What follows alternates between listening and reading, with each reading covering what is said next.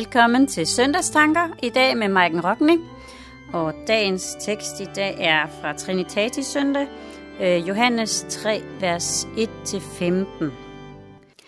Der var et menneske, en af farisæerne ved navn Nikodemus, medlem af jødernes råd.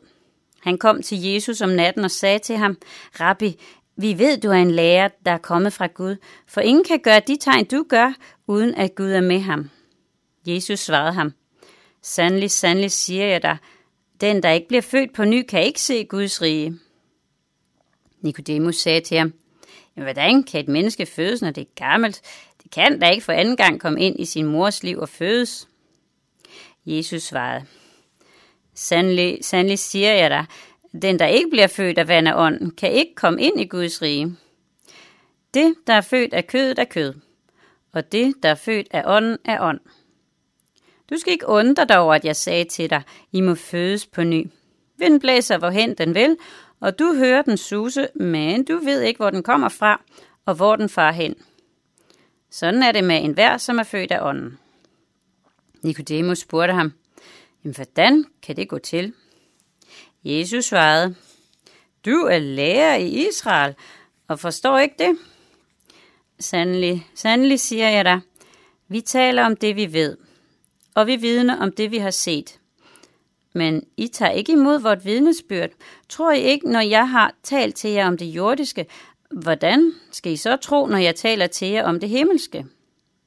Ingen er steget op til himlen, undtagen den, der steg ned fra himlen, menneskesønnen. Og ligesom Moses ophøjede slangen i ørken, sådan skal menneskesønnen ophøjes, for at enhver, som tror, skal have evigt liv i ham.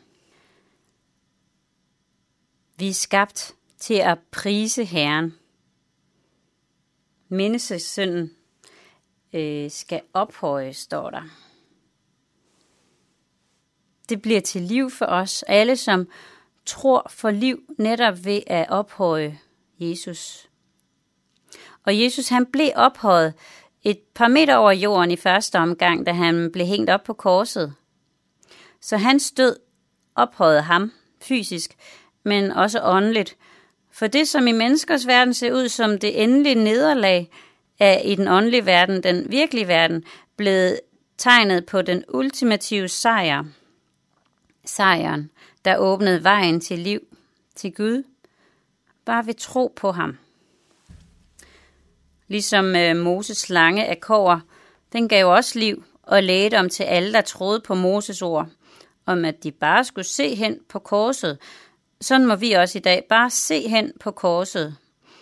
Måske fatter vi ikke betydninger og mystikken af det, der sker netop der på korset, men bare vi ser hen på ham, som blev slagtet for os, så er der nyt liv til os, og der er lægedom for os. Vi skal nu blive ved med at ophøje Kristus.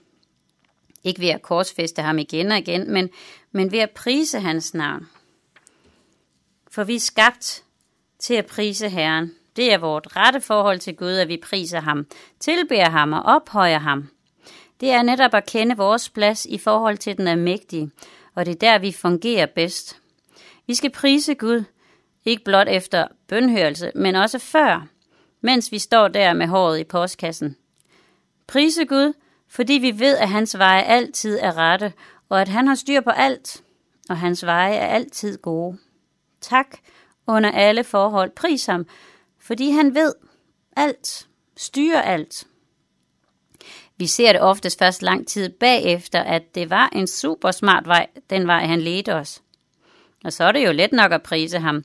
Men den, der kan prise, selvom han endnu ikke ser en løsning, er særlig velsignet. Pris ham i medgang og modgang. Pris og tak Gud, fordi han vil klare ærterne. Pris ham selvom det føles som et offer. Det er dit lovprisningsoffer. Det kan være svært at komme på knæ og slippe ens egen følelser af uretfærdig behandling. Det kan være svært at slippe klagen og uforurettigheden. Svært at slippe tanken om, at jeg har ret. Det er et offer. Det er et offer, vi må gøre i lydighed og i tillid. Men netop igennem vores lovprisning af Gud i det svære oplever vi, at tingene forandres. fordi nu er vi igen kommet ind på den rette vej. Tilbage på skinnerne, og nu er der banet vej for Herrens hånd. Igennem lovprisning får vi også styrke.